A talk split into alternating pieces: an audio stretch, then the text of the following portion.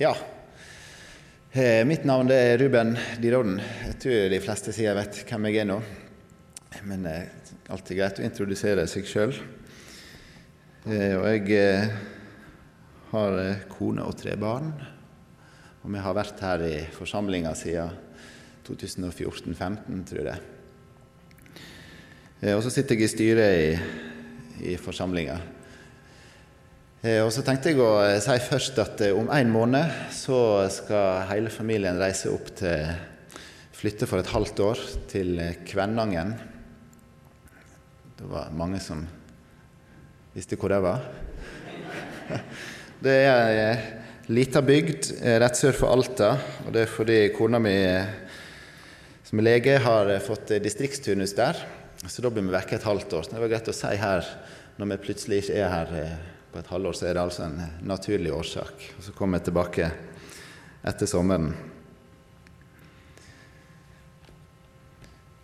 Eh, det er jo en eh, kort tekst, ja. Jeg syns alltid det er litt vanskelig å si på forhånd hvor lenge jeg kommer til å tale. Men det blir ikke sånn kjempelenge, det kan jeg si. Eh, selv om jeg har et par ark med. Jeg har tenkt å tale over det som er søndagens tekst. Og det er fra historien om den blinde mannen ved Jeriko i Lukas 18, og vers 35 og utover. Og så la seg i dagen på fredag. Da hadde Odd Sverre Hove som søndagens tekst eh, andakt. Og der eh, hadde han tatt med de versene foran òg. Så vers om det har vært søndagens tekst tidligere. Så er det en eh, prest som nikker her bak, så kanskje det Stemmer. Og jeg har tenkt, eh, jeg syns de passer liksom, gir en sammenheng, de òg. Så jeg har tenkt å lese helt ifra vers 31. Men vi tar og ber i lag først. Kjære Jesus, jeg takker deg for eh, din nåde. Så takker deg for at eh, jeg skal få legge fram ditt ord nå. Og kjære Jesus, nå ber jeg om at det er du som må tale i dag gjennom ditt ord. Eh, og det som eh, er mine egne tanker som ikke stemmer, det må du la falle dødt ned. Og så takker jeg for at du har lova at eh, du er med oss når vi samles i ditt navn. Og Jeg ber deg, Jesus, om at du må virke i oss og gjøre oss til levende vitner for deg. Kjære Jesus, vis oss din nåde igjen i dag.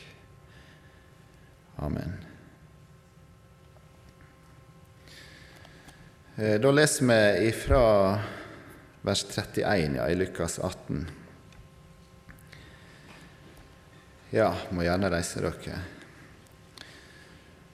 Så tok han de tolv til sides og sa til dem.: Sjå, vi dreg opp til Jerusalem, og alt som profeten har skrevet om menneskesonen, skal oppfylles. Han skal gjevast over til heidningene og bli spotta og mishandla og spytta på og de skal piske han og slå han i hjel. Og tredje dagen skal han stå opp att. Men de skjønner ikke noe av dette. Det var løgnt for dem, og de forsto ikke det han sa. Da Jesus nærma seg Jeriko, satt en blind mann ved veien og tigga. Mannen hørte at det var mye folk på veien, og spurte hva som sto på. De svarer, det er Jesus fra Nasaret som kommer forbi. Da roper han, Jesus, du Davids sønn, miskunna deg over meg. De som gikk føre, taler hardt til han og ba han teie. Men han roper bare enda høyere. Du Davids sønn, miskunna deg over meg. Jesus stansa og ba de leie den blinde til han. Og da han kom nærere, spurte Jesus han, Hva vil du jeg skal gjøre for deg? Herre, lat meg få synet att, svarer han. Jesus sa til han, Du skal bli sjående. Trua di har frelst deg. Straks kunne han se, og han gav seg i følge med Jesus og lova Gud. Og alt folket som så det, prisa Gud. Jeg sitte.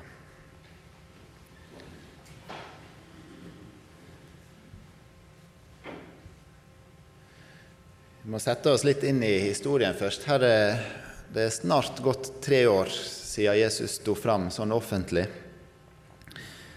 Og han er på vei til Jerusalem eh, for å dø, men det er det bare han som kanskje forstår ennå. Og Med seg så har han eh, læresveinene og sikkert mange andre som følger han, men i alle fall de tolv disiplene eh, som har gått med han veldig lenge, i snart tre år. Og så har de jo sett virket hans. Eh, I alle disse årene og alt han har gjort. Og så nærmer de seg denne byen, Jeriko. Og så tror jeg teksten er Dette er liksom den settingen de er i. Jeg tror teksten den har mange ulike perspektiv og mange dybder, eller hva man kan si som kan tale til oss på forskjellig måte. Eh, for det første så er det jo, som alle disse undergjerningene som skjer i, i Jesus sitt virke, så er det en sånn stadfestelse av at Jesus var den som profetene hadde snakket om, og at han var den han sjøl sa han var. Han var Guds sønn som var kommet for å frelse verden. Når Jesus tar til med å nå står fram offentlig, så noe av det første han gjør, han taler i, i synagogen i heimbyen sin, så siterer han fra profeten Jesaja, som er en av de profetene som levde lenge før, men som, som snakker mye om Messias, om han som skal komme. Og så siterer Jesus eh, to vers fra Jesaja. Herrens ande er over meg, for han har salva meg til å forkynne en god budskap for fattige. Han har sendt meg for å rope ut at fanger skal få fridom, og at blinde skal få se, for å sette undertrykte fri, og rope ut et nådeår fra Herren. Så dette underet med den blinde mannen som fikk syn igjen, det var enda sånn profetisk oppfyllelse som bekrefter at Jesus var den han var. Eh, og Sånn var det også for samtida. Når Johannes døperen når han begynte å høre om Jesus, så sendte han noen av sine læresveiner til Jesus og så spurte er du den som skal komme, eller skal vi vente en annen. Og Da svarer Jesus disse som kommer fra Johannes, gå og fortell Johannes hva det hører og ser. Blinde ser, og lamme går. Spedalske blir reine, og døve hører. Døde står opp, og den gode budskapen blir forkynt for fattige. Så det var en bekreftelse, dette òg, på at Jesus var og er den han sa han var, Guds sønn, som var kommet for å frelse oss. Så tror jeg da teksten har ei større dybde enn bare å være en sånn bekreftelse på at han er Guds sønn. Eh, og Så vil jeg trekke fram noen perspektiv, hvis man kan kalle det det, som har talt litt til meg, i alle fall. Og Da kan vi prøve å se det som skjer ifra læresveinene, de som fulgte Jesus sitt perspektiv, og så fra den blinde mannen sitt perspektiv, og så fra Jesus sitt perspektiv og sin ståsted. Hvis vi begynner med læresveinene De har jo, som jeg sa, vandra med Jesus i snart tre år. De har sett masse undergjerninger. De har sett hvordan han tar seg av de svake og gjør folk friske. Tar seg av de som andre ikke bryr seg om.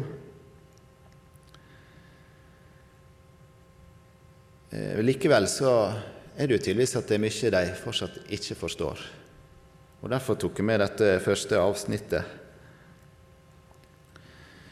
Læresmennene så nok for seg at eh, på en måte tenkte at eh, han kunne være den lova Messias, men så han for seg som denne som skulle bli en sånn stor jordisk konge, som skulle gjenreise det gamle kongeriket til David. Eh, og kanskje tenkte de litt sånn om seg sjøl at de var de som var tettest på denne nye kongen. Sånn I foranledningen til denne hendelsen her, så er det et par episoder som er beskrevet i Markusevangeliet, der eh, læresveinene diskuterer seg mellom hvem som er størst.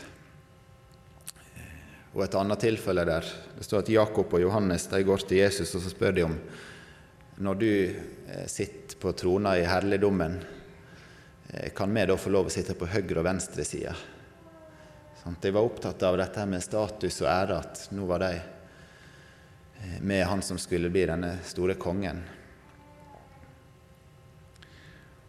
Og så når Jesus står i innledninga her, i det første jeg las, når han forteller om at han skal bli gitt over til hedningene og spotta og mishandla og spytta på, piska og bli slått i hjel, og skal stå opp igjen.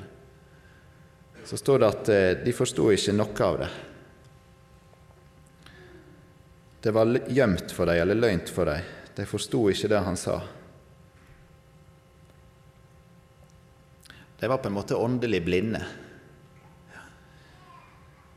Og Det blir veldig tydelig i det neste som skjer. Når de møter denne her blinde mannen eh, ved Jeriko. Han sitter og roper på Jesus. Og så står det at læresvennene taler hardt til han, ba han være stille. Og Hvis vi tenker på eh, settingen og det som har skjedd før, så kan det jo virke litt rart. For her har de gått med Jesus i flere år, og så har de sett alt han har gjort. Alle han har helbreda, alle han har hjulpet. Og så er det enda en stakkar som sitter der og så roper om hjelp. Og så istedenfor å da ta han med til Jesus eller få Jesus å komme til han, så ber de han være stille. Snakke hardt til han, kjefte på han.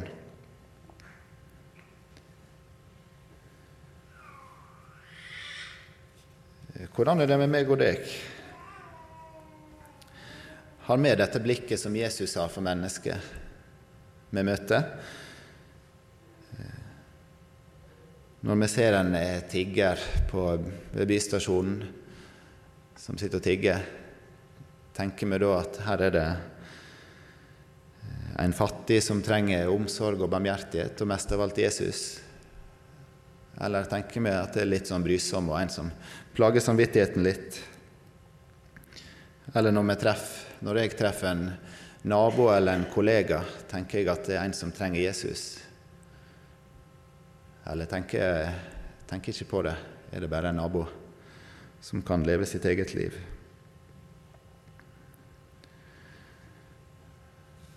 Det er ransakende spørsmål. For disse læresveinene så var det i alle fall sånn at de så tydeligvis på han blinde mannen som brysom Kanskje kom han litt i veien for denne store hendinga. Nå nærmer de seg Jerusalem, og her kom den kommende kongen og de med han. Læresvennene var blinde. For hva var det de ikke hadde sett? Det var at I Jesus sine øyne så var det ingen forskjell på de læresvennene og den blinde mannen som satt der. Det var ingen forskjell i ære, ingen forskjell i verdi eller status. Peter, en av lærersvinene, han skulle kanskje merke det mer enn noen andre. Noen dager seinere eh, så kjente historien når han sjøl forrådte Jesus, eller fornekta Jesus, tre ganger. Og så står det at han, eh, når det går opp for han, at han òg har svikta, så gret han sårt. Så er det plutselig han som må òg rope om miskunn, om barmhjertighet, akkurat som den blinde mannen.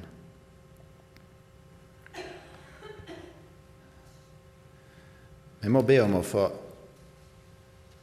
Jesu øyne i møte med mennesket. Sånn at vi ikke ender opp som disse læresveinene som ikke så den mannen, sånn som Jesus gjorde. Eh, og hva skal vi be om? Det er et kapittel jeg liker veldig godt i 1. Johannes brev, kapittel 4. Det må du gjerne lese hele, men nå skal jeg lese noen vers.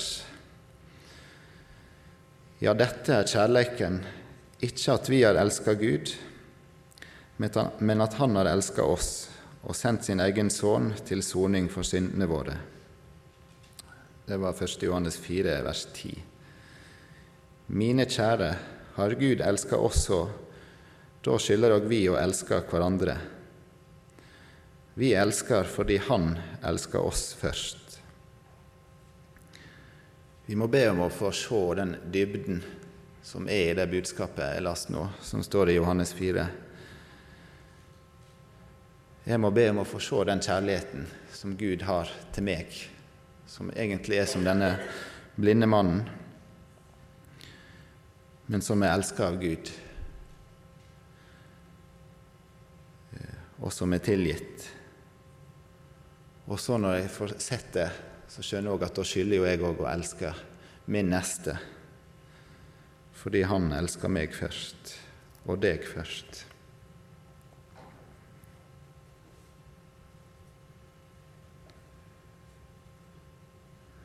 Og i dagliglivet som kristen så, så er det sånn at Jesus er opptatt av at vi elsker vår neste.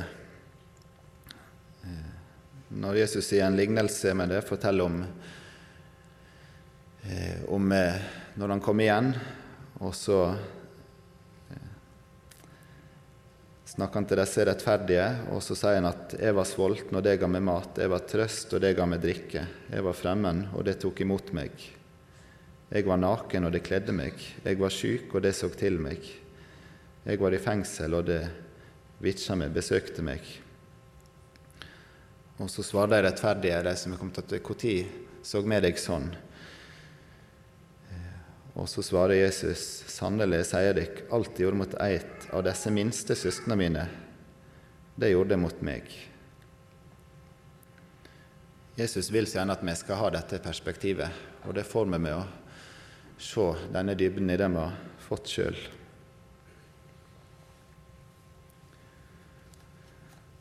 Det var læresvennene sitt ståsted. Og så denne blinde mannen, da.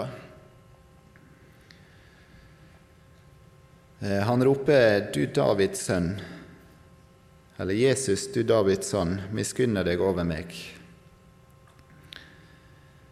Eller 'ha barmhjertighet over meg', eller 'forbarm deg over meg' det da kan oversettes.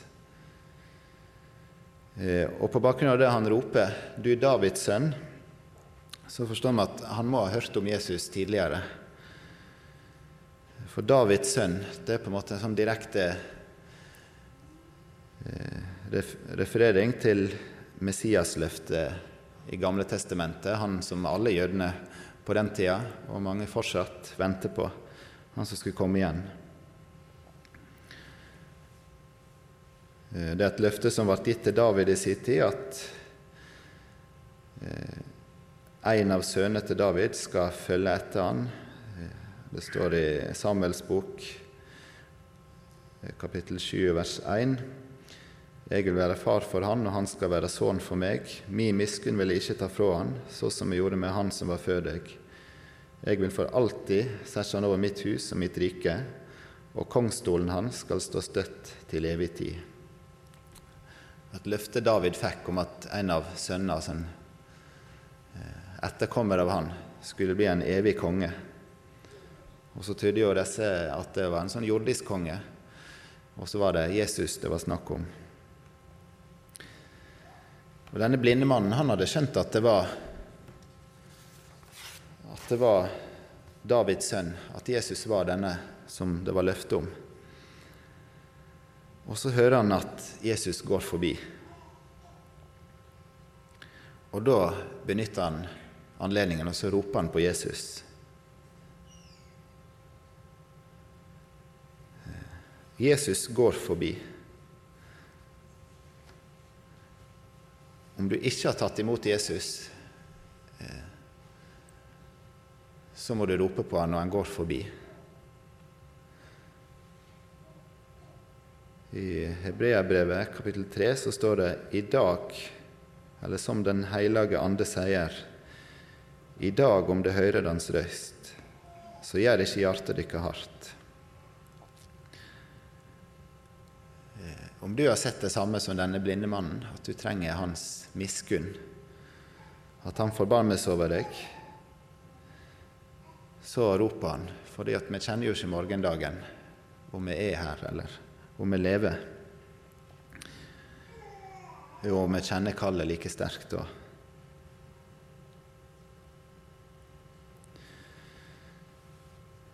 Heldigvis så hører ikke den blinde mannen på disse læresvennene som ber han om å teie stille.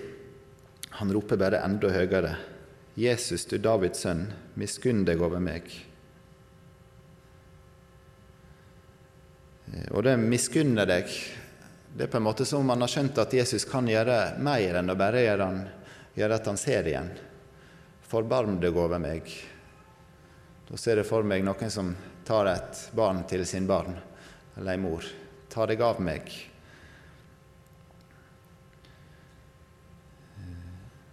Det er som om den blinde har skjønt at Jesus kan gi han mer.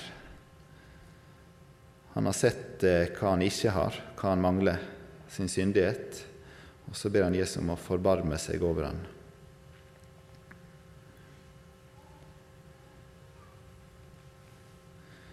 I det første verset i Salme 40 i Salmenes bok. skal jeg slå det opp. Eh, så er på en måte alt det som skjer med denne blinde mannen, skildra, syns jeg. Skal jeg finne det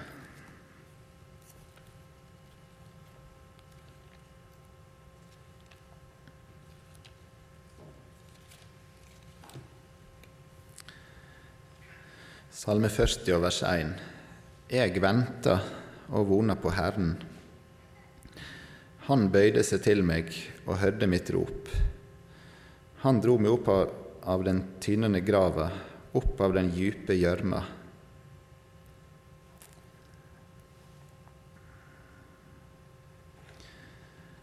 Han venta, den blinde mannen, på Herren, og så hørte Herren hans rop. Og ikke bare hører han ropet. Han kommer bort til han og så spør han, 'Hva vil du jeg skal gjøre for deg?' Tenk hvor fantastisk at her kommer den levende Gud, og så spør han eh, denne mannen, blinde mannen, 'Hva vil du jeg skal gjøre for deg?' Og så gir den blinde Jesus den blinde mannen akkurat det han spør om. Han spør om å få syn igjen, og det får han. Du skal bli seende, trua di har frelst deg. Så tror jeg at han, eller det er tydelig at han får mer enn bare for synet, at han blir frelst. Han får ta imot Jesus. Og det eneste han trenger å gjøre, det var å ha tillit og ha tru på Jesus, at han kunne gjøre det. Trua di har frelst deg, det var det eneste som lå bak. Og da kunne Jesus handle. Og Sånn er det det som sto i salmen her òg. Han venter og roper på Herren. Da bøygde han seg til meg og høyde mitt rop. Jeg syns det er flott at her er en som er nede i den dype gjørma, og så må han ikke seg opp sjøl, men da bøyer, kommer Gud ned og drar han opp igjen. Og Sånn er det, det er like gjeldende i dag for meg og deg. Hvis vi ikke har tro på Han, men òg hvis vi føler at vi er nede i den dype gjørma, at det er tungt og vanskelig i livet, så bøyer Han seg ned, og så drar Han oss opp.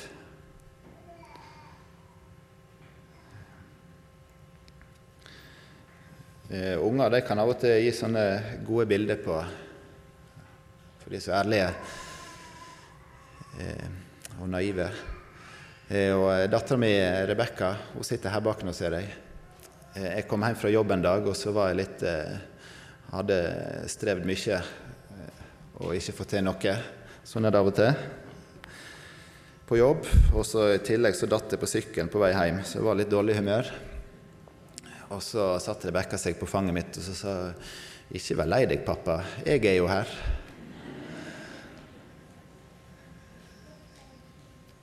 Eh, Jesus han sier det samme til oss. Ikke vær lei deg. Jeg er her. Men eh, i motsetning til Rebekka, selv om hun er der ofte, så er han alltid der. Og ikke bare nå, men han går med oss videre.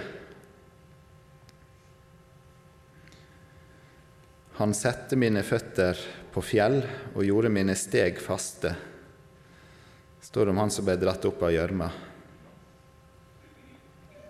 Akkurat det gjør Jesus for oss òg. Og hvis du ikke har tatt imot ham, så kan han gjøre det fra og med i dag.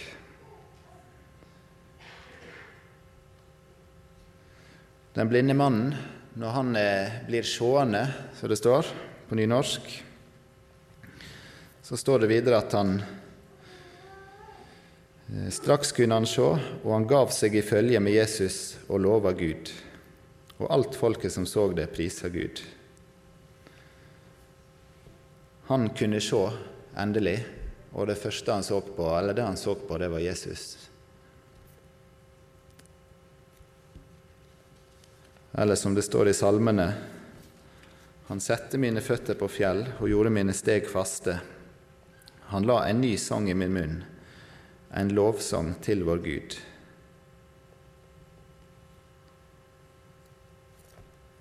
Og vi får ta imot han og får sett hvor heldig og hvor heldig vi er som har fått Hans nåde, og hvor høyt elsker vi av Han. Eh, så kan vi få lov å se på Han videre, og gå med Han videre, sånn som denne blinde mannen.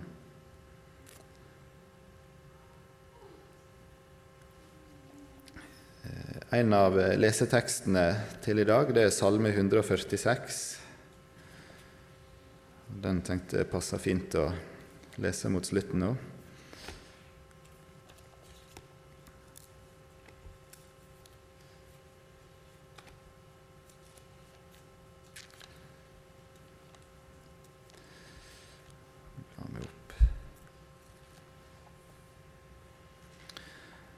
Halleluja, lovsyng Herren, mi sjel.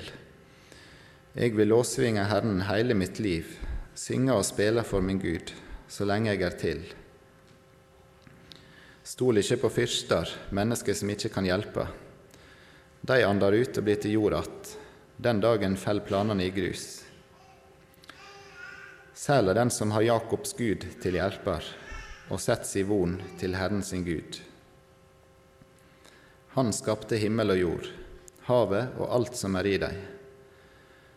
Han er trufast til evig tid han hjelper de undertrykte til deres rett. Han gir mat til de som svelt. Herren setter bunne fri. Herren gjev de blinde syn. Herren reiser de nedbygde opp.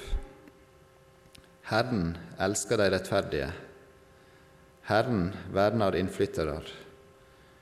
Han held enkjer og farløse oppe, men gjør vegen kroket for de som gjør urett. Herren er konge til evig tid. Din Gud, Sion, fra slekt til slekt. Halleluja. Det er stort at vi skal få tilhøre denne Herren, som kan gjøre alt dette.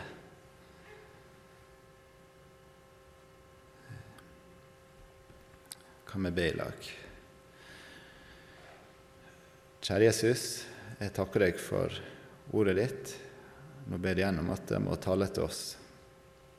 Jeg ber Jesus om at du må gi oss dine øyne og ditt hjerte. At du må åpenbare oss for oss igjen du, hvor høyt du elsker oss, og hva du har gjort for oss, Jesus. Og vi sliter og har det vanskelig, Jesus, så minn oss på at vi må rope på deg. Kjære Jesus, du vil alltid være der, og du vil eh, dra oss opp av gjørma om vi sitter her. Kjære Jesus, legger resten av møtet i dine hender. Amen.